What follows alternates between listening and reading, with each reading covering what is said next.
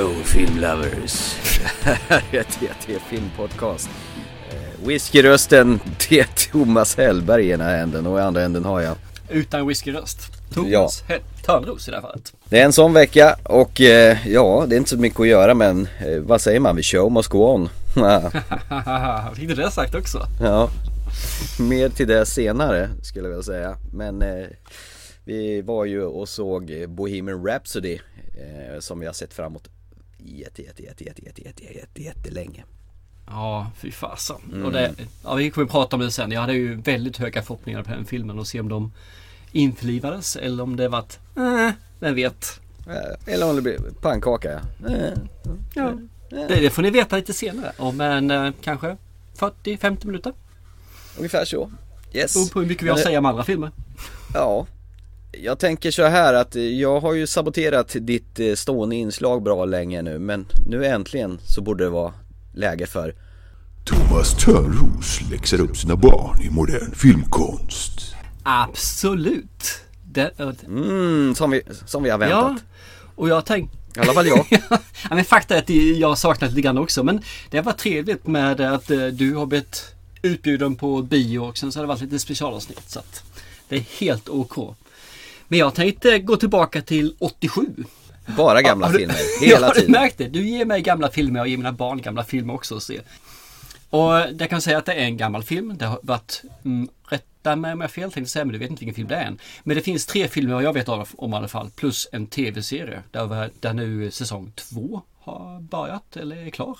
Vi har våran kära skådespelare slash regissör som eh, ja, de flesta judar inte tycker så mycket om.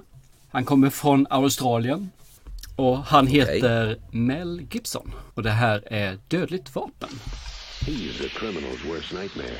A cop who enjoys the danger. No guns, no jujitsu, just bring him down. Do you really want to jump? Well, then that's fine with me. Come on. Wait, I what do you mean? Wait a minute. What the... He was ready to retire. Now, he's gonna wish he had. Gun! Oh! Raj, meet your new partner. New partner? if these guys can just stand each other. What you got in there? Four-inch Smith? A lot of old-timers carry those. The bad guys don't stand a chance. Suppose we better register you as a lethal weapon. You ever met anybody you didn't kill?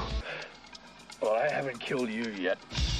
Ja, ja, ja, ja, ja, ja, ja, ja. Det finns tre säsonger. Ah! Ja, det är fel där. Ursäkta, jag trodde bara var två. Ja, fast egentligen eh, de två senaste säsongerna är ju Martin Ricks och Roger Murtaugh. I den tredje säsongen så finns inte Martin Ricks karaktären med längre för att skådisen betedde sig som, som ett arsel och eh, Fox sparkade Jaha, honom faktiskt. Och tog ihjäl Martin Ricks karaktären, hur man nu får göra så. Nej, så min, min tanke med att uh, den här, visa den här filmen för mina barn, uh, slash ena barn egentligen bara för den andra han gick snabbt och enkelt och ville göra annat. Vilket är, det är så här det är tyvärr när de blir äldre så kan man inte tvinga dem på samma sätt som man kunde när de var små barn. Men den stora pojken var kvar, såg på den här i alla fall. För jag, jag tycker ändå att det, det, finns, det är en av de här body cup filmerna som finns här. Och jag tycker att den här tillhör egentligen genren att det, det, det är episkt Och de gör det på ett riktigt bra sätt. När de kör det här de har ett bra samspel båda två egentligen i det här fallet. Och jag, tycker att, ja, det är bra. Och sen fram till finns det då Martin Riggs då som han heter där, Mel Gibson. Han är ju en rätt så urflippad person. Eh, det som är intressant när jag tittar på den här filmen, det är att jag blandade ihop ettan och tvåan hej vilt. Så det var länge sedan jag såg den tydligen. Kafferlaver? Ja, lite grann där. Jag trodde ju att han skulle skaffa sig tjejen i ettan, men det gör han ju inte förrän i tvåan. Det är väl mest om hans döda tjej som man vill hälsa på ganska i, ja, för tidigt. Lite så, ja precis. Eh, filmen, ni som inte sett den, det är ju enkelt sådär. Det är ju en eh, gammal polis som snart ska gå pension. Som funderar skarpt på detta, har ingen partner och då blir dussad ihop med en, en lite mer hetlevrad, psykopatisk person. Som då har självmordstendenser. Som vanligt de trivs ju inte alls bra ihop. De har sina duster och det är ju nästan det som är det roliga i hela filmen. Typ alla de här filmerna där det finns buddy movies. De ska ju aldrig komma överens på det viset. Och i den här filmen så finns ju x antal scener när Mel Gibson då, han flippar ut totalt så de står på eh, takkanten när en ska ta självmord. Och han driver den framåt då till en, ja, till sin spets om vi säger så, takspetsen. Så de här sakerna de gick ju verkligen min son igång på. Han tycker fortfarande det är fortfarande bra humor trots då att det är då 30 år sedan. Du menar Do you really wanna jump? Do you wanna? Let's finance them. Let's do it. Let's do it. Exakt. Där har du en ju. Och detsamma ju när han håller på där med eh, julgransförsäljningen är också en sån här sak ju. Ja, Det finns, finns massa såna här nu när han är helt urflippad. Och det, det går hem, det gör det alltså. Och jag tror att actionet i filmen är faktiskt ganska välgjord också för jag underhölls också av filmen. Det är ett tag sedan man såg den. Eh, Man är kanske nostalgifrälst på den också på det viset. Men jag tycker actionscenerna håller ganska måttet fortfarande. och de har ju en skön skurk också, Mr Joshua av Gary Ja, Busey precis. Absolut. Som eh, gärna eldar upp handen lite grann sådär. Haps. Nej men det är en skön rulle och har man sett den här när den begavs då för 30 år sedan, 87. Så tycker jag helt klart man kan se om den och min son tyckte det här var helt okej. Jag- Jag nämnde dock inte att det fanns en två och en trea. Så det kanske får bli en liten sån här förslag sen när vi väl kommer dit. Det finns ju även en fyra Det finns en fyra alltså. Skojar du? They're moving up. They're promoting you. Captain Riggs. Captain Murtaugh. And settling down. We never talked about marriage. You want to get married? But old habits Think you can stay out of trouble? yeah, absolutely. are hard to break. Lethal Weapon 4 is the best yet. More action, more laughs, more thrills. Mel Gibson, Danny Glover, Joe Pesci, Rene Russo, and Chris Rock. Lethal Weapon 4, a Richard Donner film. Oh, baby! Nej, det är den med Jet Li är med i den också Jag trodde det var trean. Nej, det är den med Joe Pesci Okay, okay, okay. They fuck you if they drive through. They fuck you if they drive through. Ja, där ser man. De filmerna var ju grymt dåliga. Ettan och tvåan är bra tycker jag. De andra är ju bara downhill. Ja, alltså, gick Så det. den- F- fyran är nästan såhär buskis nästan Tyvärr Jaha, okej. Ja, jag har totalt raderat bort dem i huvudet. Så Ja. Jag hade fel på en siffra där. Jag ber jättemycket om ursäkt. Visste du att det är Shane Black som har skrivit manus till den här filmen? Som gjorde nu senast The Predator Till, till Dödligt vapen? Jajamän, det är han som har skrivit den filmen Ja, men det stämmer. Det har du rätt i. Jo, men det vet jag ju. Men det är Richard Donner som har regisserat den som gjorde tror jag resten också Okej, okay, Okej, okej. Ja, det har jag ingen aning faktiskt. Han gjorde det samma. Jag trodde han gjorde gjort ettan och tvåan, men eh, resterande hade jag inte den blekaste. Nej, men den följer god jord och jag, jag tror faktiskt att ungdomar idag kan se den. Den är lite eh, snällare än man gjordes när den kom ut 87, för då var den rätt så hård action faktiskt, tyckte man. Nu är det ju lite blöjvarning på just actionet, men jag tror att just för humorvarningen och sådana saker går den verkligen hem. Så jag tycker nog att vill ni underhålla er barn med stycket filmkonst så tycker jag absolut att den här ska presenteras. Inga fel överhuvudtaget att ge sig på tv-serien som, som finns nu i tre säsonger med Damon Waynes och tidigare Clayton, ah vad nu hette han som fick kicken i alla fall. De, har faktiskt eh, fört över känslan från filmerna på ett väldigt formidabelt sätt. Så Ja, okej. en av de få lyckade adaptioner till en tv-serie tycker jag. Eh, jag är tyvärr inte ett dugg sugen på att ses tv-serien ska jag erkänna men att eh, jag tar ditt ord för det. Perfekt, och det avslutar väl eh, dagens pappa-son-sektion. Eh,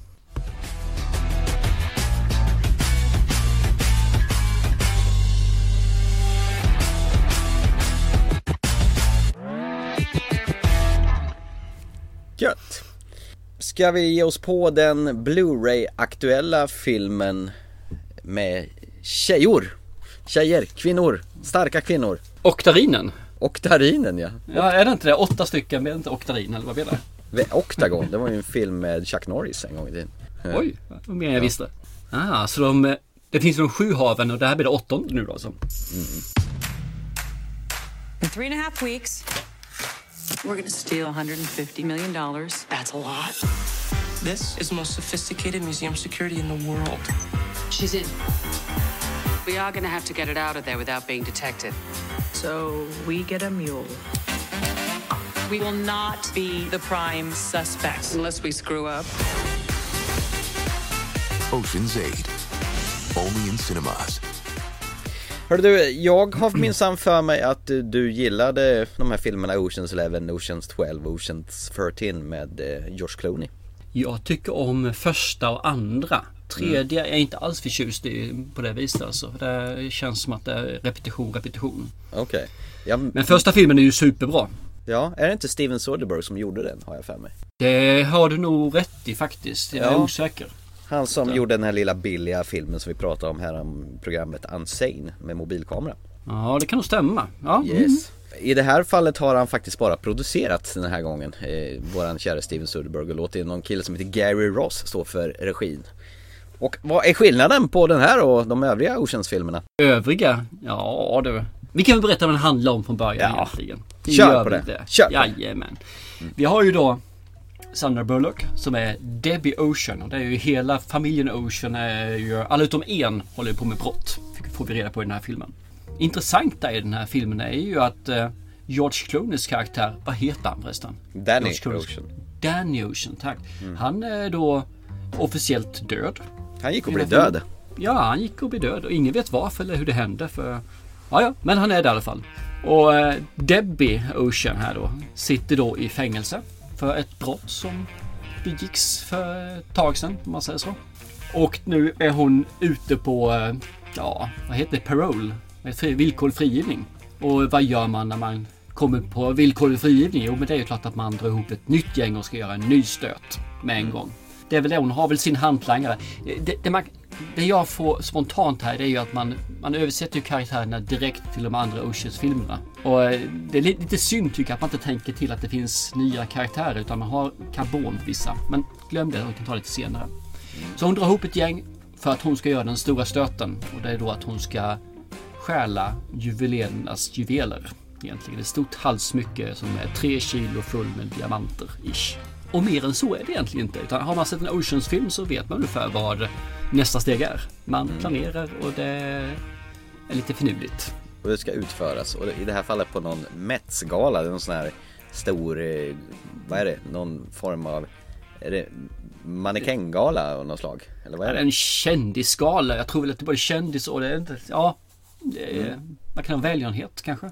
Ja, precis. Och det var väldigt många, man, när de går igenom vilka som sitter vid vilka bord, så att det är ju verkliga namn på, alltså riktiga personer som sitter där.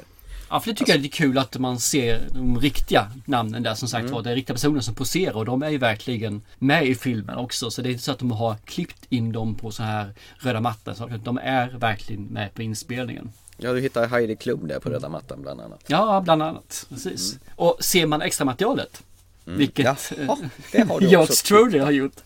Så är det faktiskt att eh, de, de har inte fattat hur mycket omtagningar det är. Så de tyckte att ja, nu har vi gjort det här, nu går vi på nästa scen. Nej, nej, nej, nej, nej. Nu tar vi om det här en gång till och en gång till och en gång till. Så de tyckte det var hur fasen står skådespelarna ut med det här? Och där kan jag nog förstå också att det, det blir nog väldigt mycket omtagningar. Men eh, filmen som sådan, jag tycker den är rätt så mysig faktiskt. Eh, men den är lite för straightforward tycker jag. Den saknar lite grann det som finns i de andra Oceans-filmerna. Och eh, lite för tvådimensionell kan man säga egentligen i sin plott och handling. Och jag tycker det är lite synd för man skulle ha gjort den bättre. Framförallt med de karaktärerna som finns i den här gruppen. Ja, vi har ju Sandra Bullock, Debbie Ocean. Mm. Och den jag blir mest liksom häpnadsväckande över det är ju karaktären Lou som spelas av Kate Blanchett. Så, Hon gör det så- bra. Hon är, hon är en stilig kvinna ska man säga. Ja, men hon är, hon är vacker. Ja, och hon är ju då, om man ska översätta så blir hon ju Brad Pitt då i det här fallet. Ja men exakt. Och det är ju nästan en karbonkopia på det så det blir. Är det det som är lite irriterande i dina ögon? Ja, jag tycker det. Jag tycker man kunde gjort nya karaktärer, något nytt med det här istället för att eh, plagiera rakt av. Och sen har du ju Rihanna så, som Nineball. popsångerskan. Ja, Nineball ja, som är datahacker. Ja, men hon är också duktig, det får vi säga. Hon är jätteduktig som skådespelare.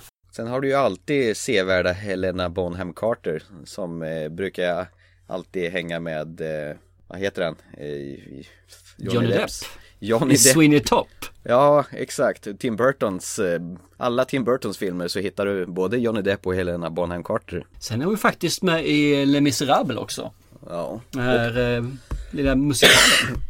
Och Harry Potter-filmerna också. Mm, stämmer. L- stämmer, Spelar den här Lestrange eller vad de heter. Ja, någon elak liten, liten Mm. flicka. Och sen har du ju undersköna Anne Hathaway som eh, de ska använda som marionett för att utföra den här kuppen. Jag kommer helt plötsligt tänka på The Devils, Devils Wear Prada som Anne Hathaway också var med i. Mm. Det är en film som handlar om eh, mannekänger och ett sånt här modehus. Det känns som att man har tagit den filmen och knölat ihop med Oceans Eleven så har man fått den här Oceans 8. Ja, Det var bara en Inget tanke. tanke på, men, ja men det är bra tanke. Sen var det en annan grej som jag blev lite sur. Alltså initialt när Debbie Ocean blir släppt från fängelset. Det första hon gör, det är att gå in i en affär och så börjar hon ju stjäla saker. Ja, hon, precis. hon plockar ju på sig massa parfym och så går hon ju fram till eh, disken och säger eh, Jag vill lämna tillbaka de här grejerna. Ja men du måste ha ett kvitto. Hi, I'd like to return these. Oh, of course. Do you have your receipt? No, but they're unopened. They haven't been touched. I really need your receipt. They are sealed. They are brand new. Oh, do you have the credit card that you use? This is ridiculous. I, I bought these last week. Ma'am, you can try client services on the sixth floor. know, no, never mind. I'll just keep them. Jesus. Can I at least get a bag? Sure. Och vet, vet du vad det värsta är? Jag, jobbade i butik tidigare på mitt gamla jobb och då kom Mm. det in en, en finsk man och körde det där tricket. Han tog en dunk olja, gick fram till disken och sa jag vill lämna tillbaka det här. Ja men det, det, du måste ha kvitto för det här. Inget vitto, sa han. Inget vitto. Och den där karljäveln han lyckas ju köra det stuntet flera gånger. Så jag blev så jävla förbannad på Sandra Bullocks karaktär när hon gjorde det här. För, för den där tanken den ploppade upp i huvudet på mig. Jävla fan. Det värsta är att jag tror att det där fungerar alltså. Det, det, framförallt man gör det det är lite stressigt för expediten och så här. Och jag som då inte är expe- expedit och aldrig råkat ut för det tyckte att det där var rätt så fyndigt. Hennes sätt att eh, komma upp i smeten och köpa på sig lite modernare kläder och bo på hotell och dylikt. Mm. Så att, nej, det tycker jag faktiskt var en av de skönaste grejerna i filmen. Det har du. Mm. Och jag blev förbannad. Ja då. Och nu blir jag ännu bättre på mots. Ja, ja, ja, ja, ja, ja, ja. Mm. Jag vet inte, den här filmen är ju, den, det, det är som du säger, den är ganska mysig. Men samtidigt är den ju ganska lättglömd. Jag har sett den Ja. för en, en vecka sedan ungefär och den, den har ju inte direkt satt sig kvar i, i bakhuvudet på mig. Jag tror lite grann att det är så synd. Du samlar ihop tre stycken brighta kvinnor som är bra på sitt område och framförallt jättebra skådespelare också. Och varför ska man då låta dem stjäla diamanthalsband? Ja, det är ju så jäkla stereotypiskt för att Ja. det är kvin, kvinnor. Där blir jag så jäkla arg så jag blir faktiskt arg. Jag blir irriterad blir jag på det. För vad- kunde de inte ha gjort samma sak? De kunde också ha slagit till mot någon konstsamlare eller något sånt där ju. För det man säger med Oceans-filmerna, de stjäl ju faktiskt inte från bad guy eller från eh, goda utan ju från lite sådana här sh- shady people. Vilket jag tycker att då, då gör de lite, blir de lite giriga Robin Hood kan vi kalla dem. Mm. De stjäl från de rika och de dumma men ger inte till de fattiga. Och jag tycker att, varför gör man inte bort det här igen? Varför, nej. Sen har vi ju det här med att det är inte bara att de ska stjäla det här tunga halssmycket som varit undangömt då i 150 år. Utan då ska man då ta den här klenoden och plocka isär den och göra den till flera små smycken. Istället som man kan prångla ut. Och det är också någonting som inte Oceans-filmerna gör, att man tar sönder saker och ting. Utan man, man stjäl och sen inte mer med det. Här tar man nog sönder någonting för att tillverka, för att kunna stjäla och sälja av det. Tycker jag, där blir jag också lite irriterad på det faktiskt. Så att, eh, men, ja det är lite synd och det förstör lite grann tycker jag känslan och faktiskt av den här Oceans-andan som finns i de tidigare filmerna då. Hade du väntat dig att du hade fått sett en Matt Damon med tanke på att Steven Soderbergh har ju producerat den här och han är ju kompis med honom att hans skohorna vill in honom här också men icke! Ingen Nej. Matt Damon i sikte! Han brukar ju kunna vara med på sådana här lite biroller eller sådana här bara cameos. Men jag trodde ju faktiskt att eh, George Clooney skulle dyka upp. Vilket Mm. han kanske gör förresten. Mm. Eller gör han det? Eller? Ja det gör han, eller? Va? Ja. Men det var min tanke när jag började se filmen. George Clooney borde ju dyka upp alltså. Ja, vi får se. Den som ser filmen får se. Apropå det förresten. Vi har väl en tävling också va? Ja det har vi absolut Som är klar? När, ja, när det här programmet är ute så har vi två lyckliga vinnare. Det är jättesvårt med tanke på att vi släpper våran podd varannan vecka och lyckas eh, sammanstråla det här med filmbolagen när filmerna kommer. Så att det, det är därför vi kör tävlingen på Facebook och Instagram eh, under en viss tid. Ni vet vilka som har vunnit när ni väl har hört det här programmet. Men eh, i samarbete med 20th Century Fox Sverige så, så tävlar vi faktiskt ut två exemplar av Oceans 8 på Blu-ray. Vilket är trevligt och kul tycker jag. Grattis till er, ni som vann. Sen, bara en fråga sen. Vi har då Gary Ross som är regissör. Eh, och han har ju gjort Hunger Games bland annat. Big på 80-talet. Och de här sakerna. Han har inte gjort- jättemycket egentligen som en regissör. Men och så gör han Ocean's 8 nu. Tror du att det hade kunnat bli en annan film eller- och då bättre eller sämre film om om man verkligen hade satt en tjej att regissera den här tjejligan? Ja, det tror jag nog. Absolut. Det hade nog inte varit helt jäkla dumt. För jag tror att man hade fått mindre av de här plattityderna liksom. Du kan ju till exempel ha tagit hon som eh, regisserar Lady Bird till exempel. En sån. Ja, absolut. Varför Ja. inte? Jag menar en tjej som regisserar tjejer, varför inte? Eller också hade det blivit catfight och hade det inte blivit någonting av det hela. Nej men jag tror att det skulle fungerat bra för jag tror man hade tänkt på de här sakerna. Och sen så hade man sagt nej, det där vill inte jag göra. Jag vill göra någonting som är mer. För det här känns lite grann så, nej det känns som en gråzon för vad som egentligen ska fungera 2018. Det här hade fungerat på 90-talet typ. Du känns, den känns lite antik för att vara en 2018 års Ja. film. tycker det faktiskt. För alla de här tjejerna som är här i filmen är ju starka kvinnor. Och varför kunde man inte ha spett på styrkan på de här kvinnorna med att, att de gör då ett, ett jobb som killarna skulle gjort i det här fallet. Utan nu måste man göra det med diamanter och smycken. Men nej. En grej hade ju varit coolt om de här gängen möts. Kanske de gör i nästa film. Jag tror att det finns en möjlighet faktiskt att de eh, gör någon joint venture. Tjejerna försöker blåsa killarna och tvärtom. Ah, och så blir menar så? Ja, och så blir det lite twister fram och tillbaka. Vem har lurat vem egentligen? För det är väl det det handlar om, att alla lurar alla i de här filmerna. Du menar att de kanske ska ha samma mål då? Alltså de ska göra Mm. samma stöt? Exakt. Ja, men det är ju nästan gjort redan. Det gjorde de ju i, eh, i tvåan eller trean. Ja, men gör det en gång till då.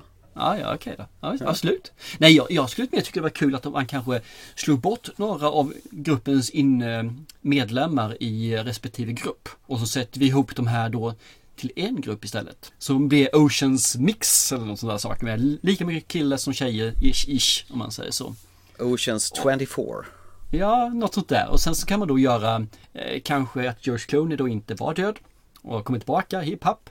Och att då eh, Debbie, vad heter det nu i det här fallet då, vill vara med och köra i samma gäng. Och de båda två kämpar om vem som ska vara den som planerar och den smarta av dem. Så man får lite ett samspel mellan de två. att Vem är det egentligen som ska leda gruppen? Det är nog inga fel. En tanke bara nu. Vi pratade om Kane Blanchett. Jag tyckte hon var rätt så fin i den här. Men jävlar vad plastig Sandra Bullock ser ut i den här. Ja, jag tyckte med det. Men vad jag har förstått så har hon inte gjort så mycket va? Hon ser jättekantig ut där. Ungefär som att hon har liksom tagit eh, stämjärnet och sen hyvlat till kindbenen någonting. Så här Michael Jackson-aktigt nästan, du vet. Nej, jag, jag tänkte också lite grann att det kändes sådär men eh, Sandra Bullock för mig är ju Jag tycker hon gör jättebra filmer när hon får chansen att göra det. Sen så har hon ju varit rätt så dålig på att välja sina filmer också historiskt sett. Mm. Förutom Gravity då. Ja precis, men det, för efter det trodde jag det skulle bli lite grann för Gravity gör ju jättebra. Men jag menar på att vi, vi har vad heter Miss Secret Agent 1 och 2. Va- Varför vill man göra en sån sak? Jag tror hon producerade dem själv också. Så hon, hon gick ju på tomgång och gjorde sådana här bara romantiska komedier på löpande Mm. band som Proposal till exempel. Men sen har hon väl gjort några sådana här eh, djupa draman också när hon var, har varit alkoholiserad bland Mm. annat.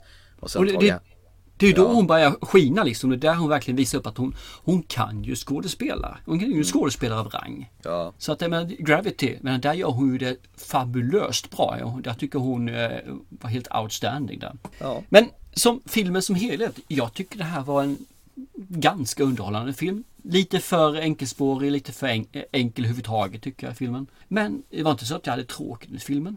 Det, Nej, en popcornrulle där man sitter liksom, en fredagsrulle kan vi säga.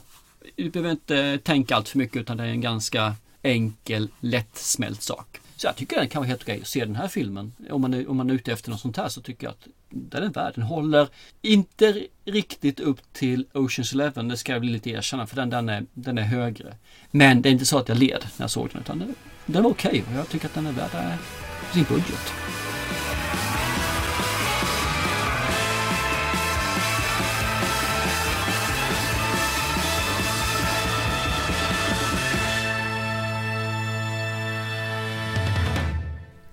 Gött! Hörde du, eh, om vi pratade om George Clooney så kanske vi ska fortsätta att prata om George Clooney i levande Ah. form. Levande form, precis. Fast han eh, vill döda folk, eller Ja. har dödat folk. Så nu är det dags för Uppdraget. Ja, The det var ju... American. Yes, det var ju din tur att ge tillbaka kaka efter förra veckans The Fearless Vampire Killers or Pardon Me, Are You Teeth In My Neck eller Dance of the Vampires som du tog fram stora motorsågen och kapade bort alla vampyrtänder på löpande band där. Ja, alltså inte riktigt heller. För jag sa just det att hade man sett den tidigare när humorn hade varit färsk så tror jag säkerligen att den här, jag hade rankat den här ganska högt. Och jag sa, också som sa, hade jag då sett eh, våras för rymden idag så hade jag nog inte rankat den så högt som jag gör idag. Eh, men du gav mig istället en film från 2010 som eh, hette Le Americano eller på eh, am- amerikanska, engelska, The American. You have a secret. Why do I have to have a secret? You're a good man, but uh, you have a secret. You're American. See, On vacation. on working vacation. Perhaps you do not have a woman in your life. Someone tracked me down. Look, if anyone's compromised security, it was you.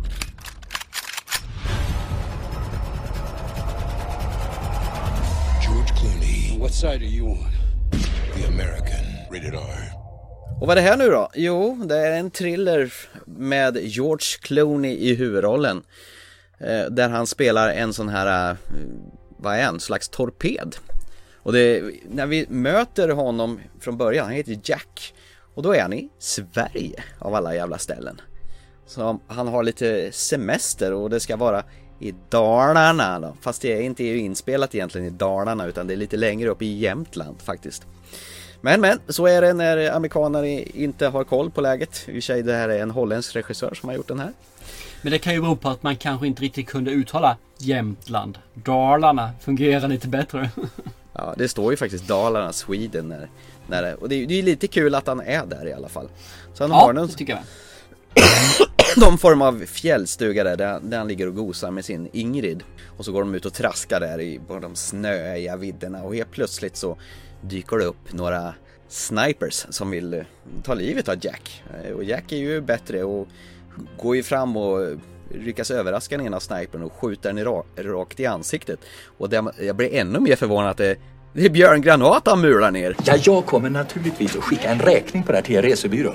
Ja, men det kan inte vara meningen att vi, era gäster, ska skjuta upp er jävla buss upp för berget. Ja, men vi, vi, vi, vi, vi kanske ska veva upp eh, liftarna också. Jag är ledsen alltså. Göte, lugna dig lite. Jag är lugn. Vet eh, herrarna möjligtvis var vi ska bo någonstans så vi kan skjuta dit bussen?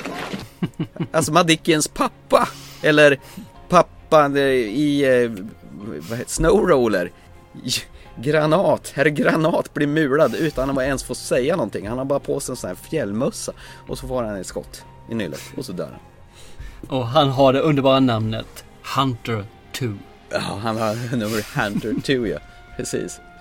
Så att eh, nu är eh, Jacks eh, lilla semester slut, får ett abrupt slut. Han är tvungen att ta sig från Sverige pronto.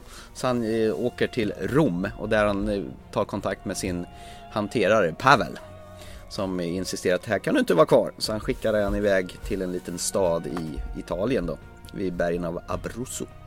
För att han ska försvinna och invänta sitt nästa uppdrag. Och Jack börjar känna att jag ska nog sluta som, som torped. Att det här kommer bli mitt sista uppdrag, säger han till sin hanterare då. Men han får i alla fall ett sista uppdrag och, och får möta upp med en eh, annan torped som vill att han ska göra ett så här customized eh, rifle, ett snipergevär åt honom.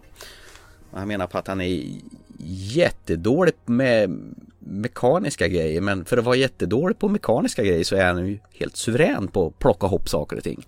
Han kan laga bilar, han kan eh, plocka skrotdelar från en gammal bilverkstad och göra eh, riktiga fräna vapen med så att säga. Jag tror de marknadsförde den här filmen som en eh, thriller actionrulle i bästa stil med kanske James Bond eller Jason Bourne eh, när de marknadsförde den här och ville sälja in filmen men det är ju helt jävla ute och cyklar i så Jag fall. tror att i IMDB stod det crime, drama, thriller. Men när de skulle sälja in den här filmen eh, när den hade premiär inför bion så har de ju liksom, får de de ville sälja in den som att det är en action thriller då. Men det är ju en slow burner inåt helvete. Det, visst, den öppnar ju i Sverige då med en eh, ganska explosiv, ungefär som ett föruppdrag till en James Bond-film. Men sen när han väl hamnar i, i Italien på den italienska landsbygden och träffar en präst och så vidare. Då handlar det mer om hans inre demoner och hans börjar känna att han är rädd för sitt liv, att han är jagad av folk hela tiden, av svenskar dessutom, som vill ta livet av honom. Ja, men vi är farliga. Det står ju vem som helst. Man ser bara på tusentalet. Vi röjde ju loss utav helsike i England. Till och med får ett brev med, med en utskrift ur en svensk tidning där det står att det har skett några mord i Sverige. På svenska står det också. Han, nu, han ska det som inte kan läsa svenska. Ja, det vet fan.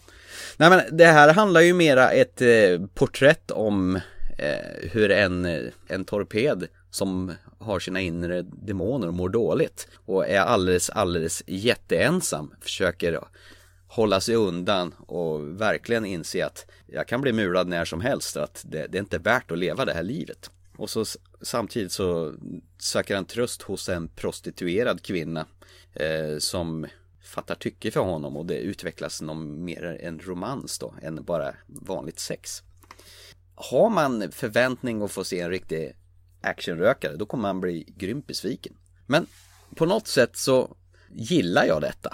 Det är ju inte på det viset man är van att se George Clooney. Han är, brukar vara charmig, han brukar ha ett brett leende. Men här spelar han ju helt annorlunda. Han pratar inte speciellt mycket utan han är mera som en, en tyst, ja, man skulle kunna säga som eh, Clint Eastwood är den onde, den gode, fule. Han är mera en tyst, eh, silent strong type. Jag, tycker om det just att han, han, eh, som du säger, han brukar vara väldigt verbal och han är så lite klatschig och mm. lite gosegubbe på något vis. Ja. Men här spelar han mer med eh, sina fysiska attribut. Ja, det vill visst. säga att han spelar liksom med hållningar och eh, svepande, flackande blickar och sådana saker. Mm. För att han är ju då en lönnmördare så han vet mm. ju exakt var han skulle vara någonstans om han ville mörda någon. Det vill säga om någon vill mörda honom så vet han att där kyrktornet, då har han full överblick över det här torget. Mm. Och där kan han snipa med och så har han det här flyktvägen. Så han vet exakt hur saker och ting skulle kunna göras. Och är man då utsatt för det här så är det klart att då förstår jag ju också att eh, man blir lite paranoid. Ja, han kollar ju sig bakom ryggen hela tiden och när han väl somnar på det lilla hotellrummet han är och råkar tappa pistolen i golvet eller om boken ramlar ner då, han rycker ju till och tror att han tagit tag i pistolen och försöker se, är det någon här i rummet? Han, han är ju beredd hela tiden på att han ska bli överfallen. Och han har liksom James Bond en Walter PPK som pistol. Det är lite coolt. Visst är det skönt? Ja.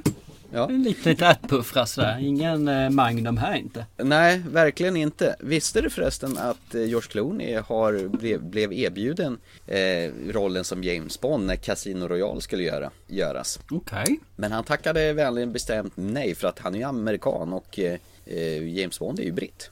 Jo men det vet jag om förresten, det kommer jag ihåg det Det läste jag ju på för mm, ett, ett och ett halvt år sedan någonstans där. Ja. ja, de tyckte väl att han hade lite Cary Grant utseende.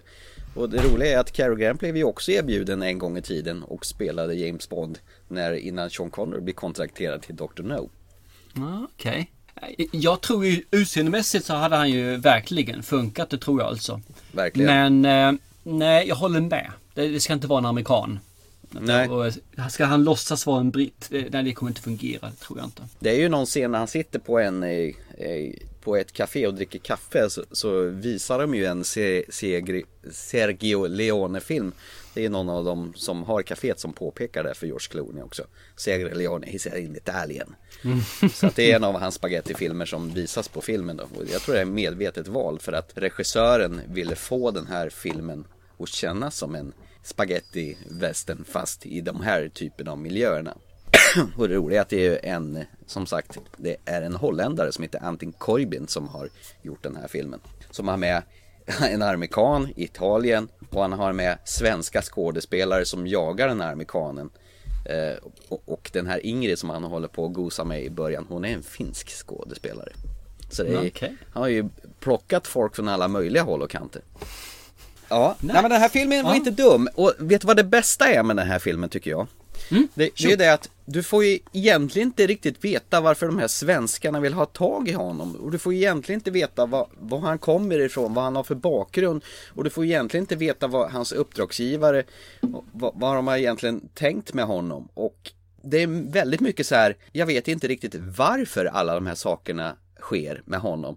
Det är väl det som är det hela underbara med det filmen. Det, det osar ovisshet, både för åskådaren och för honom. Och det är ett jävla mörker över den här filmen. Och det är tragik och han är en trasig person som man lider med.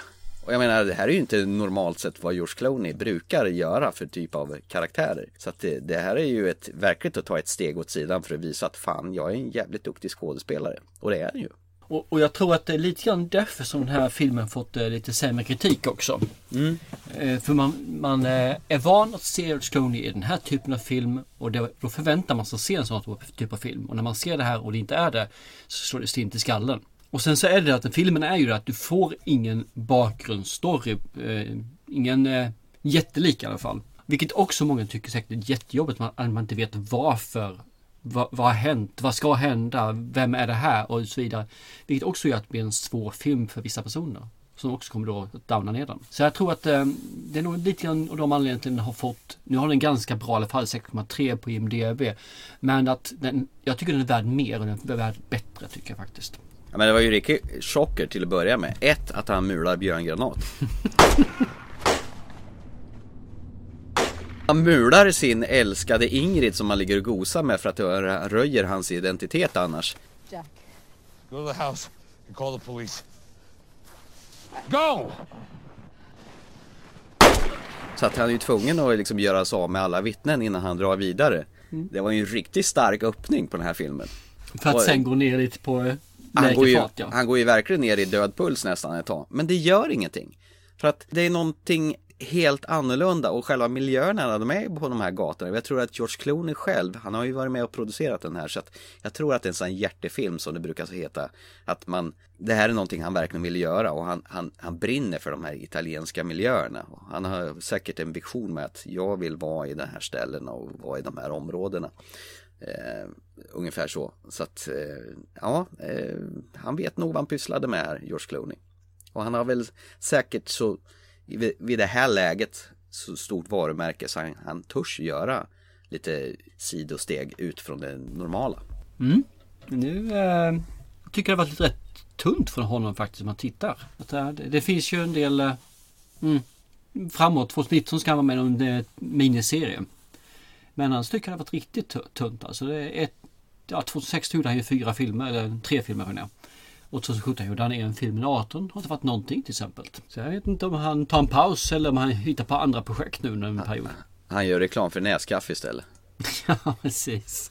Nej men det har han ju varit flitig och gjort reklam för diverse olika eh, reklamgrejer. För han, han har ju Han har ju ett vackert utseende. Så det Mm. passar han ju också för. Absolut. Ja, han är en stilig man. Det kan man inte säga något annat. Inte. Jag kan ju bara En av mina absoluta favoritfilmer med George Clooney Det är ju Det är från Dusk till Dawn när han är brorsa med Quentin Tarantino Everybody be cool.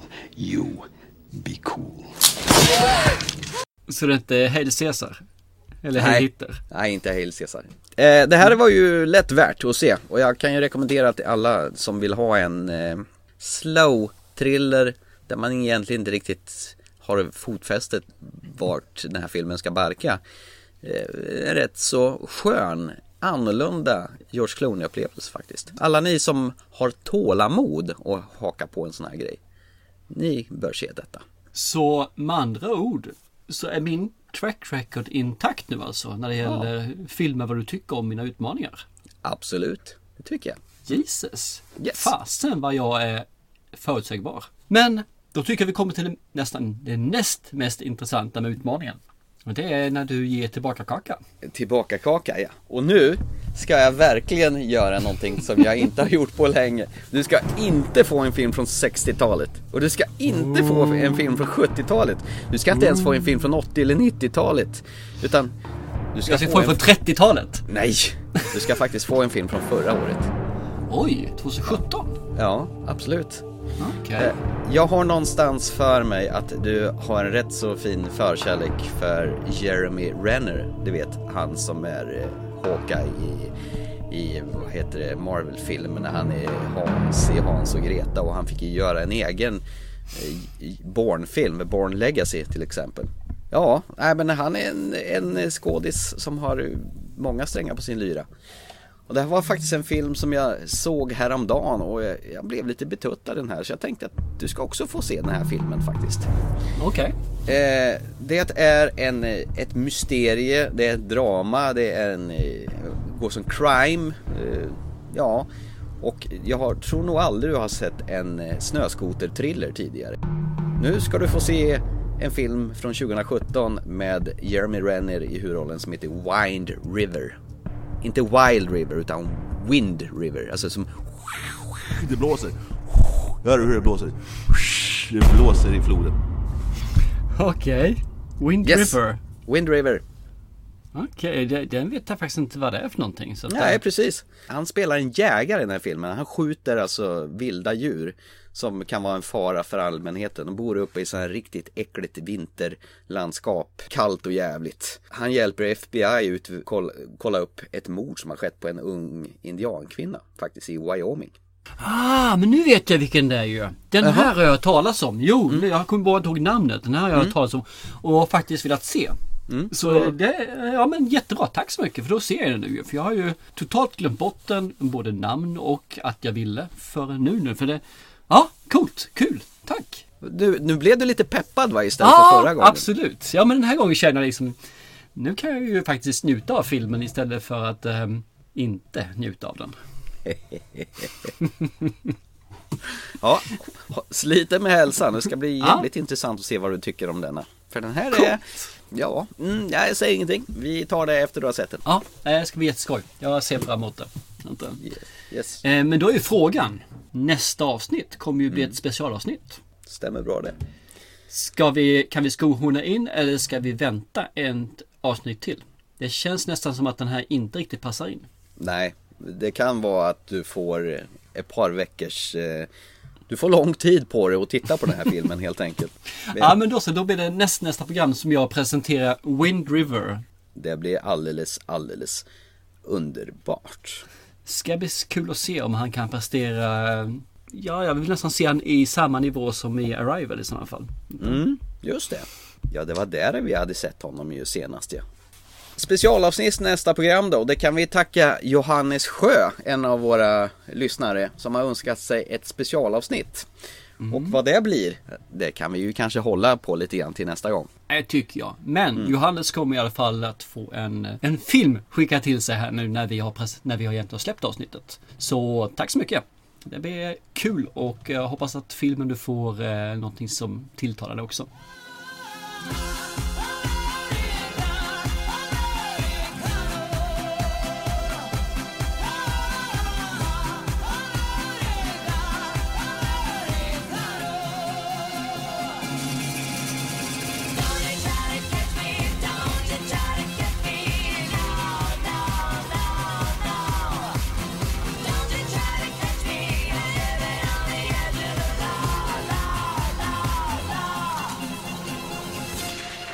Hör du, eh, Ska, Ska vi, gå? åka tillbaka lite grann i framtiden, eh, tillbaka i till framtiden till exempel, till dåtiden? För We're going någon vecka back sedan. to the future!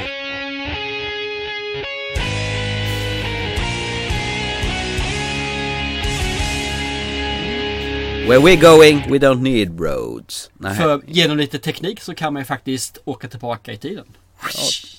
Typ till nästa, förra tisdagen. Bra, men då säger vi väl hej då så länge och så får väl dåtiden eh, ta över.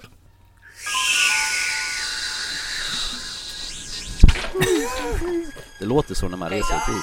Ah! Och när man åker tillbaka låter det?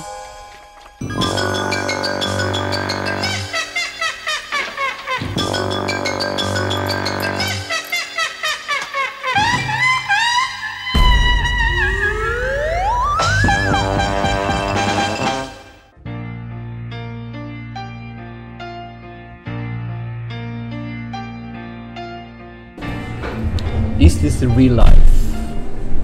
Is this just a fantasy? Caught in a landslide. You're caught. Stay in character. No escape from reality. Open your eyes. Look up to the sky and see. Underbar text. Ja, visst är det. Det är första stroferna i eh, en av världens bästa rocklåt. Ja, faktiskt. Ja. Absolut. Och en av världens bästa grupper genom tiderna. Ja, I alla fall enligt mig. samma här faktiskt. Och vi ska Eh, se en film om dem. Ja, och filmen heter precis vad låten heter. Bohemian Rhapsody. Ja, hur taggad är du på en skala 1 till 10? Eh, när jag såg att han skulle komma så kände jag bara Wow! Den här vill jag se! Åh, jag vill se! Och så ska jag erkänna, jag har ju sett trailer på den här också. Man lyssnar ju på eh, Queen ganska frekvent. Men man hör musiken i och framförallt när man har den här, deras språk bakom för den här. Fy fan så jag gick igång på den här. Det, det här är en av de filmer som jag verkligen vill se i år. Jag för mig när vi, när, jag- när vi lyfte det här och sa äh, behöver inte se det här på bio, jag kan se det hemma. Vad fick det att ändra dig då? Vet inte egentligen, mer att jag vill nog se den så snabbt som möjligt. För jag, egentligen så tror jag inte det här är en biofilm. Nej, det tror inte jag heller. Jag tror jag har bättre ljud hemma. Jag har samma bildkvalitet som behövs för den här filmen. Men jag vill se den. Vet du vad jag känner i kroppen? Att det här är en film som jag kan se om, om, om igen. Ja men det tror jag. Ja. Kan till och med ha den kanske i bakgrunden när man går hemma och städar. Ja, visst. Eh, det är Rami Malek som frontar den här filmen som spelar Freddie Mercury. Egentligen var det tanke på att Sacha Baron Cohen skulle spela huvudrollen. Okej. Det, vill, det vill säga Borat. Borat? Ja, och, Det var nog rätt bra att inte han gjorde det ja, faktiskt. och Ali India House och alla va? The Dictator och allt vad han heter. Jag tror att han skulle kunna kunna spela den. Men man hade associerat den tyvärr för mycket med de här eh, crazy-figurerna. Mm, kan hända. Grejen är att han gjorde sig osams. Jag undrar om det var med riktiga bandmedlemmarna i Queen som inte riktigt gillade hans approach. Eller om det var produktionsteamet. Så att han fick eh, kicken. Ja, okej. Det enda jag kan säga, det, det, det man har sett på trailern, det är att han som spelar, vad heter han sa nu? Som, Rami Malek. att han är inte lika biffig Nej. som den riktiga Mercury då, Freddie Mercury. För, att- men det kan jag Men. Freddie Mercury, han ser ju aids-sjuk ut. Han är ju ingen biffig. I slutet ja. Ja. Men i början där Ja, så men, var han ju inte men det. han kan nog struta. Han också. Struta runt på scenen där och, och få en hela det, arena. Det Och, känns som att han fångar faktiskt det essens tycker jag i Mercury. han lär ju sätta dit en ganska stor eh, tandrad med löständer för att få honom att få hans hjärtekaddarna. Men eh, har du alltid lyssnat på Queen eller när upptäckte du dem? Eh, jag praktiserade på Sydkraft. Jaha. Det var mitt eh, andra år på gymnasiet. Jag trodde du skulle säga praktisera med Queen som så här roddare. Ah. Flytta deras Ja, instrument. jag kan ha varit 17 någonstans. 17, 18, 17 var jag nog. Ja. Någonstans där. Och eh, han sa det. Ah, Queen! Eller, eller Rolling Stones. Alltså, hellre Rolling Stones och Queen tycker jag att det är bara... Va? Ah, tyckte jag liksom, jag hade aldrig hört Queen. Ja. Och så sa han, upp! Innan veckan är slut så ska jag frälsa dig Queen, sa han. Shit, Ja, ja, försök du, sa jag. Ah, Han lyckades. Okej. Efter det sen så har jag tagit i mig allt vad Queen så heter. han stöpte dig i Totalt säger man Ja. alltså. Han omvände mig till eh, den sanna guden. Ja men Rolling Stones, vad fan har de gjort? Jumping Jack Flash?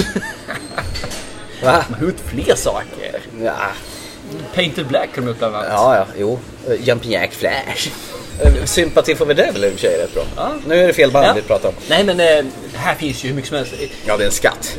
Det intressanta är att de har gjort väl bäst av en skiva, två skivor, tre, Tre. skivor. Ja. Och i alla de här skivorna hittar man musik och låtar som man inte hört tidigare som är ruggigt bra. Man förstod varför inte den här med på första skivan. Ja just den fick inte plats. Nej. För att de andra låtarna är lika bra. Ja. Och det är helt fantastiskt. Han var ju föregångare. Som till exempel det här med musikvideos. Så är ju de här som mer eller mindre uppfann det. Ja, herregud. Innan stod de bara och sjöng med mick. Han gjorde alltså musikvideo och flashade till det. Och liksom, Med äckliga stro- stroboskopeffekter. ja, visst det där. Huvuden som flyttades i sidled. Ja, jag tycker om det här. Han, han vågade verkligen gå utanför och experimentera med en rocklåt med körsång och Ja. eh, klassisk musik. Fast det är inte lika, det är inte bara Freddie Mercurys förtjänst av Queens framgång utan det är ju lika mycket Brian Mays förtjänst. För det var han som skrev många låtar. Många av låtarna, bland annat en av mina favoriter, det är Who Wants to Live Forever, soundtracket till Queen. Va? Soundtracket till Highlander menar jag ju, från 1986. Och här kan jag säga, det här var nog första riktiga kontakten för mig. För jävlar vad jag letade efter soundtracket när jag hade sett den här filmen. Den, här, den här filmen den älskar jag nästan lika mycket som jag älskar Queen. There can be only one. Forgive me father, I'm a worm. It's better burn out than fade. Ja, it's a kind of magic ja.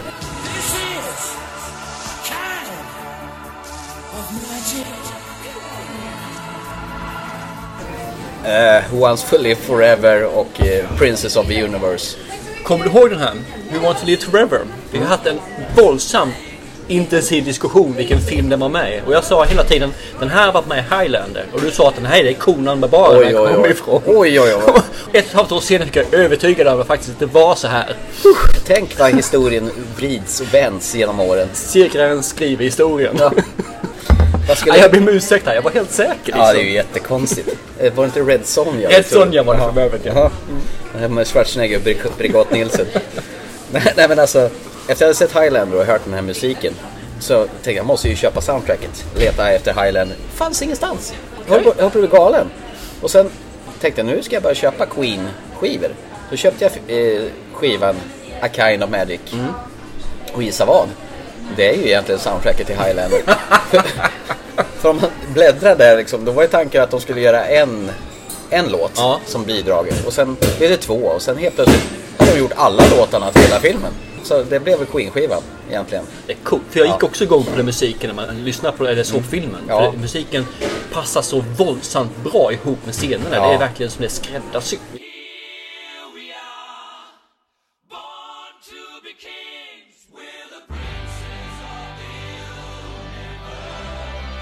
Men just det här wrestlingen i Madison Square Garden. De här tunga trummorna tills de här buffliga, lundfeta wrestlarna som slåss där.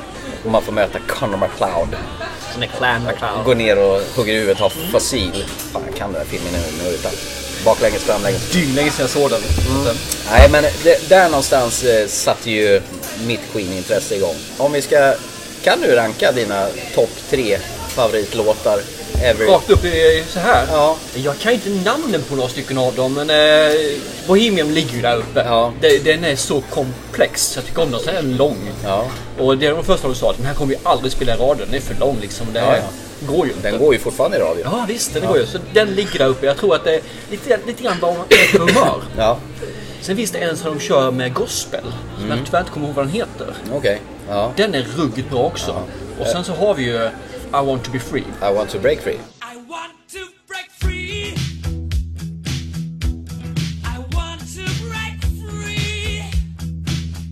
När De, han- de tre skulle jag kunna sätta. När han är utklädd till tant och går och dammsuger. Eller alla i bandmedlemmarna är utklädda till tanter.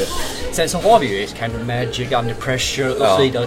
Liksom- Alla ligger som en klump. Jag, jag, jag, jag tog några nu bara som jag fick rakt upp i huvudet rakt här nu. Men det är jättesvårt. Ja, bland det sista han gjorde innan han dog, den här Show Must Go On, är ju Ja. för jävla stark också. Ja, den är ju ruggig. Ja. När han sjunger med den här operasångerskan i Det- eh, Barcelona. Ja, det är Barcelona. Ja, den är ju fin. Ja, ett tag så hoppade han ju av sitt band och bara kom på att nu ska jag vara på opera. Han har ju röst för det. Alltså den rösten den går ju inte att jämföra. Det kommer jag ju att tänka på. Det är ju inte Remy Malek som sjunger i den här filmen utan är, de tänkte väl ingen som kan uppleva till Freddie Mercurys röst. Så att det är riktiga soundtracket de har alltså från Queens låtar. Okej. Sen vet jag inte om de har grejat med arrangemangen för att det ska passa Mm. filmen men det är alltså, då- han mimar till Freddie Mercury. Ja, det var nog helt rätt. Ja. Han har speciell röst och du kräver resurser för att ta den. Jag har hört med henne om eh, mindre begåvade sångare ska köra en duett nu med den avlidne Freddie Mercury. Ja. Och det är ju patetiskt. Ja, det går ju inte. Riktigt löjligt. Ja. Att, eh, det finns nog ingen, eh, tror jag, i världen som... Ingen man i alla fall. Nej, jag tror de försökte ju ett tag att eh, George Michael skulle hoppa in och steppa upp och vara någon slags... Jag Nej. vet, han gjorde någon sån här samband med Queen på någon sån här arena-grejs. Men det går inte. Nej, jag tror inte det. Eh, Och det är som säger, Queen finns fortfarande kvar och de kör sitt race. Men de kommer aldrig nå den här höjden igen alltså. Nej, de har gjort fler soundtrack. De gjorde till Flash! Ja, stämmer också ju. Och så är det en av låtarna jag faktiskt inte tycker om. Nej, den Den är... är för extrem. Filmen däremot tycker jag faktiskt är gullig. Den är gullig. Ja, Ja. Så lite B-nostalgi-gullig. Alltså jag har faktiskt lyssnat väldigt dåligt på de tidiga alsterna utan det är mera från eh, A Kind of Magic och framåt, Innuendo och de här skivan. Det gjorde de ju någon försök till att göra en ny eh, Bohemian Rhapsody som är flera låtar igen. Ja. Den är inte så dum den heller men den är ljusår ifrån och sen får man inte glömma deras superenkla We Will Rock You.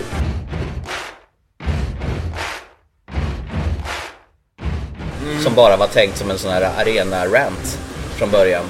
Och blev så mycket mer. Ja, Okej. precis. Nej, jag håller med. Just den låten och sen Number of Bites Dust. Ja. Det är ju det är så, det är sån enkel sak som Ja. bara ligger i en basgång liksom.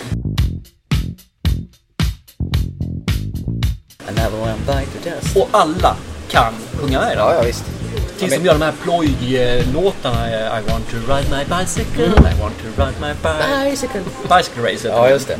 Ja, men jag kommer ihåg mina barn när de var små, man spelade We Will Rock You med det här enkla stamptempot. Det var tydligen bara de bandmedlemmarna som spelade in det i olika varianter så det skulle låta som en hel folksamling. Så la de på, på mixen bara och byggde på det hela. Okej.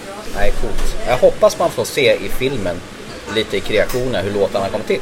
Ska vi komma in på det? Vad är vi ute efter i filmen? Nu har vi pratat så mycket om musik. Nästan tror att det är en musikpodd Ja visst, ja, men jag, jag, jag, blev, jag gick igång. Ursäkta. Jag förstår det, jag hakade på. Så Ja. Men Ja. vad, är det vi, vad är det du vill ha ut av den här filmen egentligen? Vad, när du, ska du gå härifrån och känna sig nöjd med låten? Mm. Ja, Jag vill ha en historisk resa från när Freddie Mercury, innan han hette Freddie Mercury, hur han blev från en vanlig person till en, den superstjärna han blev som kunde trollbinda hela arenor med sitt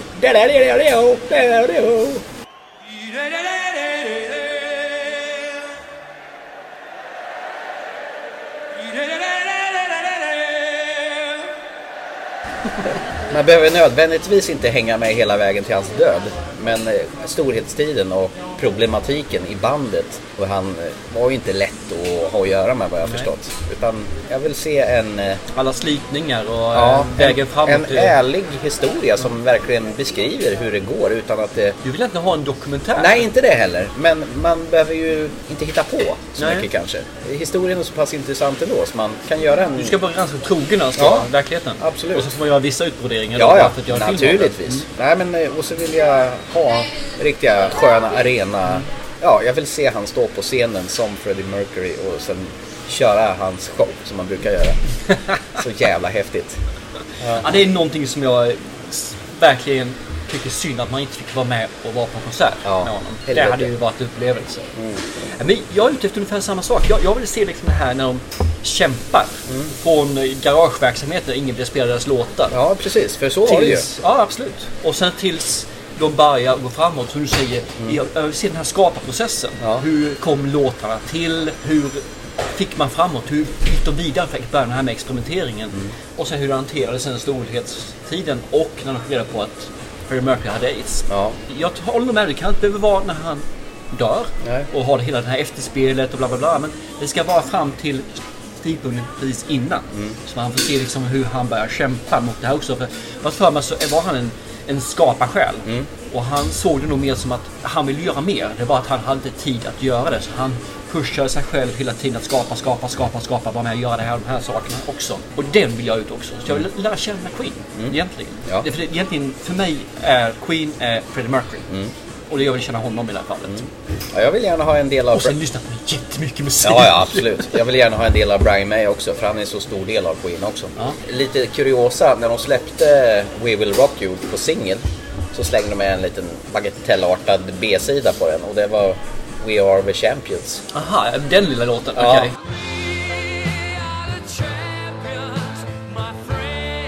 Visst, så det, Ingen blev, känner till så det alls. blev ju egentligen två sådana här äh, arena-låtar på samma singel egentligen. Ja. Ja, det blir skoj i alla fall. Ja, jag är skitpeppad. Så att vi återkommer väl... Alldeles strax här va? Ja. Ja, precis. Alldeles Ja. strax alltså. Ja, precis. Ja, ni lär ju inte märka någonting. För våran del så kommer det krävas lite... För er kommer det vara ett... Typ, och för oss är det... Eh, Va, va, vad var det du sa? Vad hände? Då får vi se om jag höll mig vaken eller inte. Annars har jag ju lovat min sambo att vi ska gå och se den här en gång till. Jag sa jag ser gärna om den. Det har jag bestämt innan. Jag har sett den. Jag har redan bestämt att den här ska i alla fall vara hemma på Blu-ray. Mm. Den ska finnas där. Ja, eh, extra edition allt. Ja. Efter- Med extra material ja. Ja. ja, ja, Det som du aldrig tittar på. Men vi hörs om sen. Tjapp, tjapp. Ready, Freddy? Let's do it. We need to get experimental. No one will play Queen.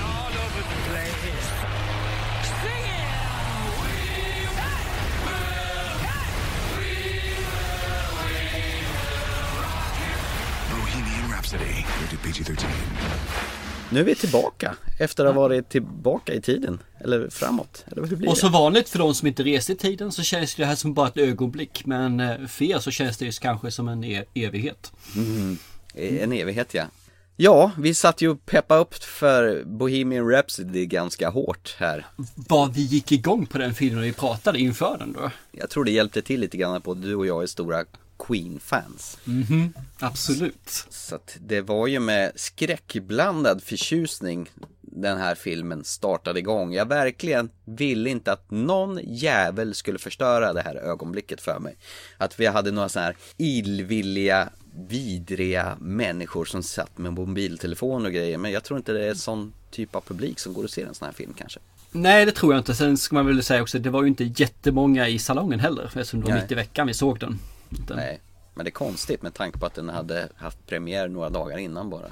Ja, jag tycker med det är konstigt. Det, det hade man kunnat säga att jag pratade, jag hade avdelningsmöte i, on, i onsdags. Mm. Och innan det började så tar jag, sa jag liksom, innan vi börjar med det här trivialiteternas avdelningsmötet så ska vi ta något viktigt. Ja. Och då tyckte jag att folk skulle gå och se den här filmen och det var tror jag tre stycken eller något sånt där som tänkte se den ut i helgen i alla fall. Så det är Okej. kul att jag får iväg dem på bio. Lysande. Jajamän. Ja.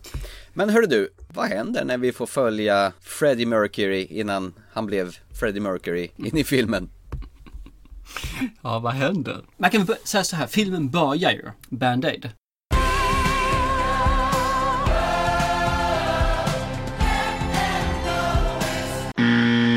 Heter den? Vad fan heter det för någonting? Live. Live Aid, Band-Aid, Li- Live Aid för början. Band-Aid, det är Do We Know It's Christmas. Det börjar från början. Fi- filmen börjar då med Live Aid. Där i 80... När, när, när skedde det? Ja, är det 84 kanske? Fel 85 förresten är det. När jag tänker Okej. Och Freddie Mercury ska gå ut och ha sin eh, konsert. Efter det precis när det, innan han ska gå ut där så pang så transformeras man bakåt i tiden till när Freddie Mercury inte hette Freddie Mercury utan kommer du ihåg vad han hette för någonting? Farouk någonting. Farouk någonting ja. Har väl precis då sagt att han ska heta Freddy någonting istället. Och hans väg när han går och lyssnar på ett band på en eh, klubb och tycker att de här är ju jättebra. Smile. Tur att du tyckte det med dem på liksom våra leadsång, leadsångare har redan gått skilda vägar med oss.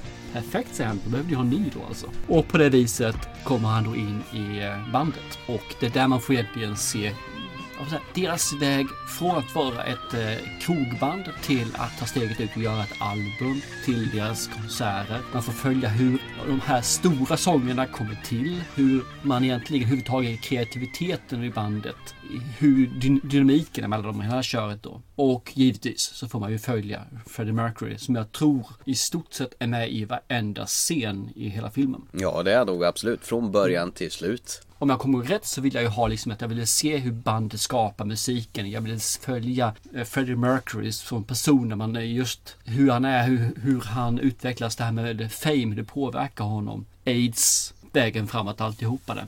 Och när, när jag satt i biografen så slog vissa tankar mig så här, men fasen vad ytligt det här är, man får inte veta någonting om Freddie. Och så gick filmen helt plötsligt ner och så djuplodade man i Freddie en tag.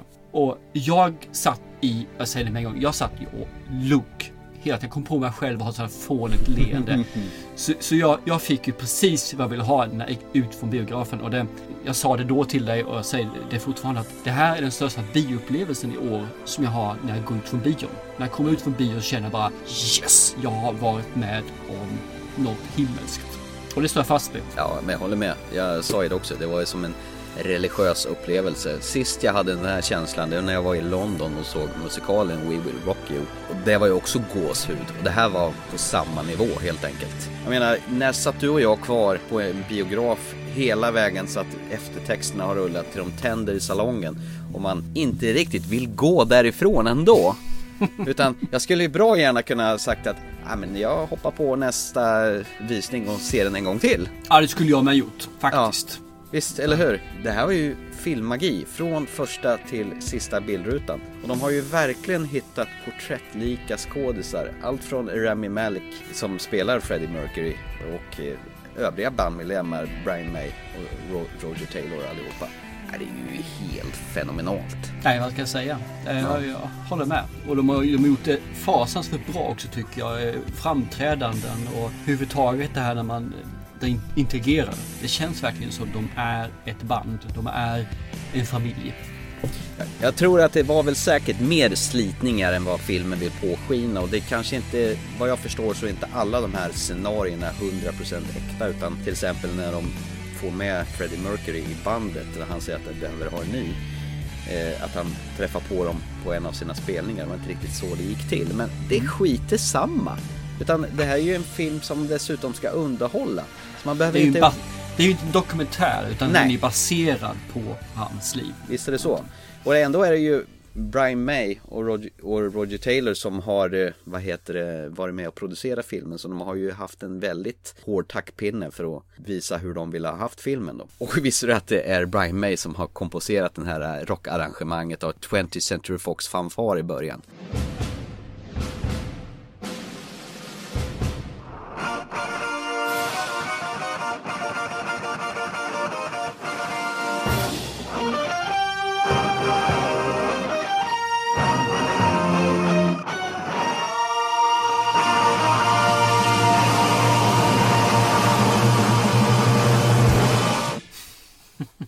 Istället för den här vanliga fanfaren. Och det är Brian May som spelar den. Okej, okay, coolt. Ja.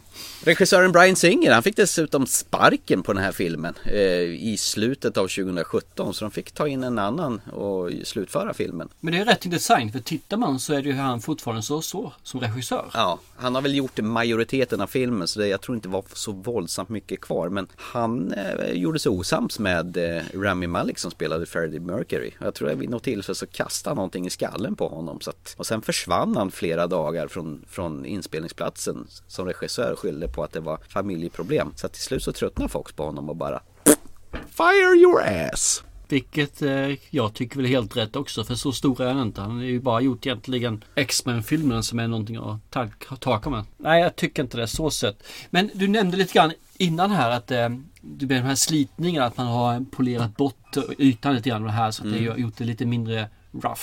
Ja. Men det, överhuvudtaget är ju filmen, ja man har gjort den finare och vackrare än vad den egentligen är tror jag i verkligheten. Ja, ja, För det, du har inte bara det, du har hans sätt att leva som man också bara, man lägger lite bomull runt det. Man kan Mm. ana att, man kan förstå att, men ingenting visas, ingenting är det här. Och även när det är som mest rough för honom i filmen så är det fortfarande ah, helt okej tycker jag. Mm. Man får intrycket. Och det tycker jag är lite synd för man skulle nog ha riktigt eh, gjort det grått, gyttjigt och miserabelt under de perioderna när han verkligen hade dekat ner sig. När han var under isen ja. Ja, jag tycker man skulle ha gjort det riktigt gritty där alltså. Mm. Men det är nog inte det som folk som ser filmen vill ha. För det man Nej. vill ha är ju musiken egentligen. Ja, det ja, är den herregud. upplevelsen, den magin. Och det kanske skulle förstöra filmen om man eh, verkligen skitade ner den om vi säger så med eh, för mycket sanning. Men eh, ingenting förstör filmen, eh, bara en eh, iakttagelse. Ja, de har ju jobbat stenhårt med Rami Malek och verkligen se ut och röra sig som Freddie Mercury i perfektion. De hade någon brittisk koreograf och rörelsecoach som heter Polly Bennett som har jobbat ganska stenhårt med honom för att verkligen göra varenda silhuett och varenda maner som han har. I had some top choreographers come in and realized choreographer's not going to help me. I needed a movement coach. I spent a lot of time with Rami trying to work out little mannerism tricks. Every eye look, every turn, every flick of the microphone. All right!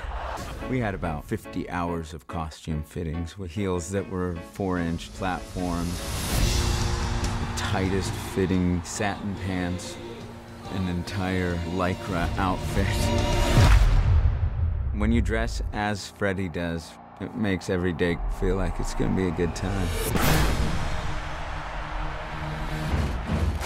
Eh, men det är grymt att man kan liksom få det så likt ändå. Men jag har fått för mig att de har gjort den eh, researchen på alla av bandmedlemmarna också. Att de Mm, har ju ja. egenheter och hela köret där. Hur Ja, de ja. står på scenen och hur de beter sig med gitarren och allt sånt här saker. Det, det har de verkligen kopierat så gott det går då. Det är likadant den här slutsekvensen som leder till Live Aid-galan. Varenda liten kameravinkel är ju exakt återskapad från den konserten de gjorde.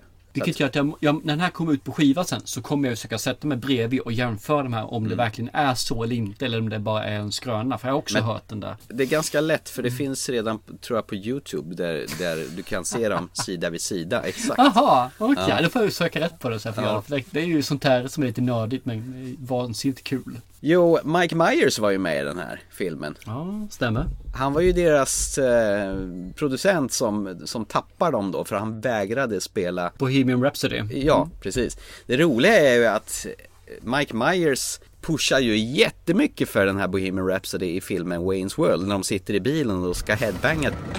This is my best friend, Garth Elgar. Hi. I think we'll go with a little Bohemian Rhapsody, gentlemen. Good call.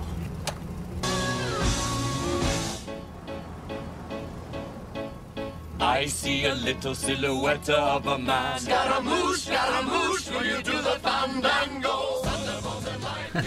Och producenterna till den filmen de bara nej det, det här är inte lämpligt att göra det. Så att Mike Myers han hotade faktiskt till och med att hoppa av om man inte fick spela den här låten. Vilket bidrog att den här låten fick en uppsving till, alltså, till den generationens ungdomar som upptäckte Queen också då. Och inte hade hört den här låten förut. Så att Mike Myers han hjälpte ju faktiskt till dem att få ett uppsving vid den tiden. Härligt. Så att när Mike Myers fick frågan att få vara med i Bohemian Rhapsody så brydde han sig inte ens om att läsa manus utan han sa Jag kör. det, alltså, saknar du någon av låtarna eller är du nöjd med uppställningen? Hur, man får ju till exempel veta hur We Will Rock You kom till, hur Bohemian Rhapsody kom till. Nej, jag saknar egentligen ingenting så sett eller låtar. Eh, Det var några som inte fanns med som jag tycker är bra. Mm. Men nej, det är inget jag saknar på det viset. Utan jag Mm. tycker att de som var värda någonting fick vara där också. Jag kan tänka att det var lite kort med I want to break free. Det var ju ett jävla hallå med att de var utklädda till tjejer allihopa. Mm. Så att den här videon vägrar de ju spela i USA för de tyckte att det var, det var olämpligt. Så MTV vägrar ju spela de här. Hemma i Storbritannien som brukar vara så konservativa och så vidare. De körde ju loss och den här blev ju jättestor i Europa. Men i USA så hamnade den inte så jäkla högt. Just på grund av att MTV vägrar visa den. Det, det jag tycker var lite så här konstigt faktiskt var att de inte gjorde en blinkning just till Highlander-filmerna som de ändå fick göra all musik till. Varför man inte la med en, en liten i alla fall att ja, vi fick göra det här också. There can be only one. Inget jag saknar, jag tycker bara det var lite konstigt att man inte gjorde det. För det påvisar ju storhe- storheten på dem och att de verkligen var överallt med sin musik. Alltså man använde ändå Who Wants To Live Forever-låten från Highlander på ett jävligt fördömligt vis i en sekvens i filmen. Överhuvudtaget tycker de passar musiken ihop med filmen på ett fantastiskt bra sätt. Så Ja. De får verkligen fram känslan i de här scenerna. Jag visste faktiskt inte att han hade en tjej och som han eh, hade som sin musa genom nästan hela sin livstid och de slutade väl i och för sig aldrig bli vänner trots att han gick ut och sa att kanske är lite bisexuell i alla fall. Nej, ska jag väl erkänna så kan jag inte så jättemycket om eh, Freddie Mercury överhuvudtaget. Förutom musiken. Utan jag har inte nördat ner mig i han som person på det viset. Jag tycker dessutom att det, de har ju fått till det för jävla bra med, alltså det ser ju ut som det är Malek som sjunger alla låtarna faktiskt. Mhm. Det, det, ser- det ser ju inte ut som han mimar direkt utan de har ju fått till det så våldsamt bra. Ja, I- ja det har de fått. Det håller jag med om också. Det är, fast jag tror man är bättre idag på sådana saker än vad man var förut. Tror det var någon blandning av Freddie Mercury och en annan kille som är tydligen jävligt duktig på att låta som Freddie Mercury blandat. Så- Okej. För att få till den här, nu kommer jag inte ihåg vad den här killen heter men det är en kille som är ruskigt likt hans röst. För jag tänkte på vissa grejer, hur tusan har han fått till det här då? För de kan ju inte ha hur mycket material som helst med Freddie Mercury som passar in i alla de här sekvenserna. Men tror du inte att man, eh, när man sitter där, att man faktiskt inte tänker på det? Jag var ju så inne i, i filmen och i låtar och hela. Så jag- hade ju inte tänkt på om jag hade haft en halvdan. Utan jag, magin fanns ju redan där. Ja. det var en kul upplevelse. Det var en Ja. riktig hänförelse. Jag, jag kan säga så här att jag var blown away, alltså jag var gråtfärdig när jag gick ut från bion. Jag, bara, jag kände mig omtumlad, det var jag omskakad och lycklig på alla sätt och vis. Det var ju filmmagi, alltså det här är ju, ja, alltså det här kommer bli svårslaget. Det här är ju helt klart årets bästa film alla gånger. Det här, jag kan inte tänka mig något annat som kan komma ens i närheten av det här. Alltså känslomässigt sett hur man, det är som du säger, årets bästa filmupplevelse på bio. Ja, och Och där håller jag fast vid fortfarande. Det här är årets bästa bioupplevelse by far. När jag Ja. går ut därifrån så var jag omtumlad som du säger och man kände liksom att pulsen låg ju väldigt, väldigt högt. Alltså det var adrenalinet bara pumpade. Men. Men? Ja, det finns ett stort men. Oh som, my god. som film betingat Mm. så är inte det här ett mästerverk. Tycker inte jag. Okej. När man tänker tillbaka på när det har gått nu ett tag när vi, sen vi såg den. Man tänker på hur är den gjord? Men de har gjort jättesnygga saker när man gör de här blinkningarna och man har allt det här. Liksom, skådespelarprestationerna är jättebra, jä- originalet och så vidare. Men själva filmen tycker jag kunde ha gjorts bättre. Dramaturgiskt sett. Ja, lite. Och sen blev det lite grann där som jag sa, när jag väntade på att de skulle ta Freddie Mercury och gå in på honom. Då gjorde de det. Men det blev aldrig så att man fick komma in på djupet någonstans. Utan det blev lite att man bredde smör på en macka. Ja det kanske jag håller med om. Det blir lite lätt åkt om man säger så. Det är en Mm. snabb visit genom hans liv.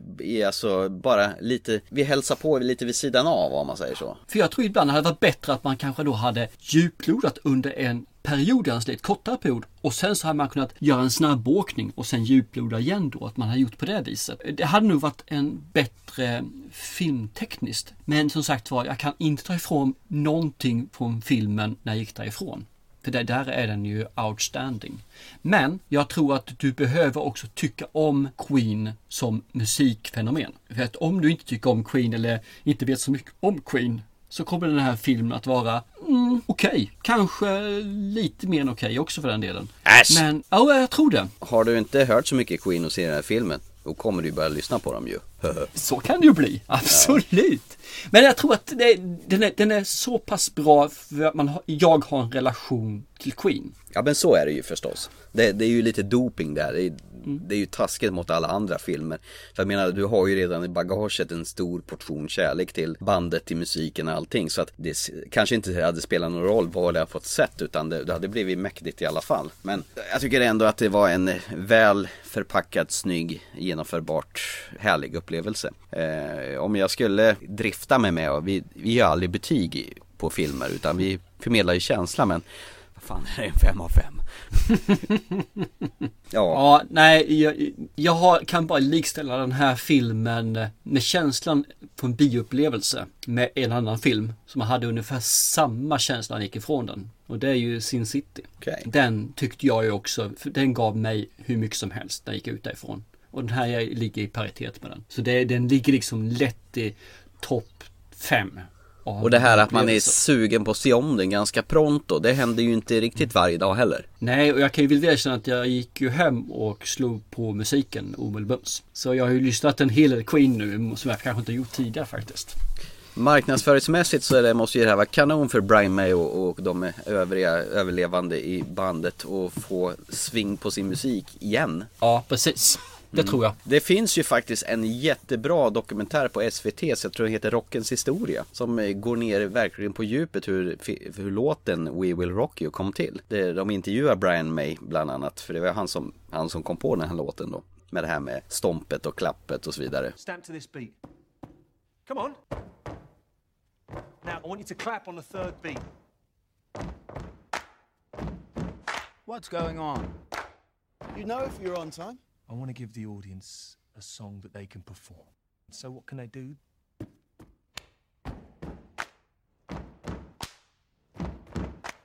Imagine thousands of people doing this in unison. Huh? Well, What's the lyric?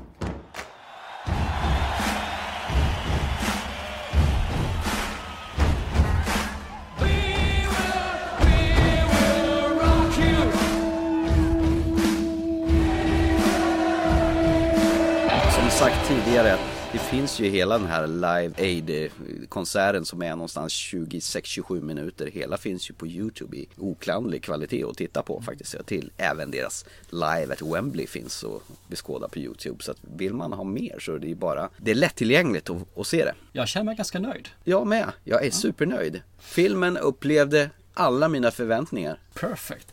Ja. Eh, så vill ni som Johannes här få en eh, film alldeles gratis hemskickad till er så tycker jag ni gör som han gjorde också. Att skriva ett mejl till oss och eh, ge förslag på ämnen. Vad ni tycker vi ska prata om. Det kan vara en speciell film som ni vurmar för eller en genre eller bara ett ämne. Eller go crazy med vad, vad ni vill och vad ni känner för. Och det enda ni behöver göra där är egentligen att skicka ett mejl till oss. Det gör ni på ttfilmpodcast@gmail.com Och då när vi har spelat in och släpper filmen så kommer ni också få en film skickad till er. Det var väl ungefär vad vi hade i- ikväll så att säga.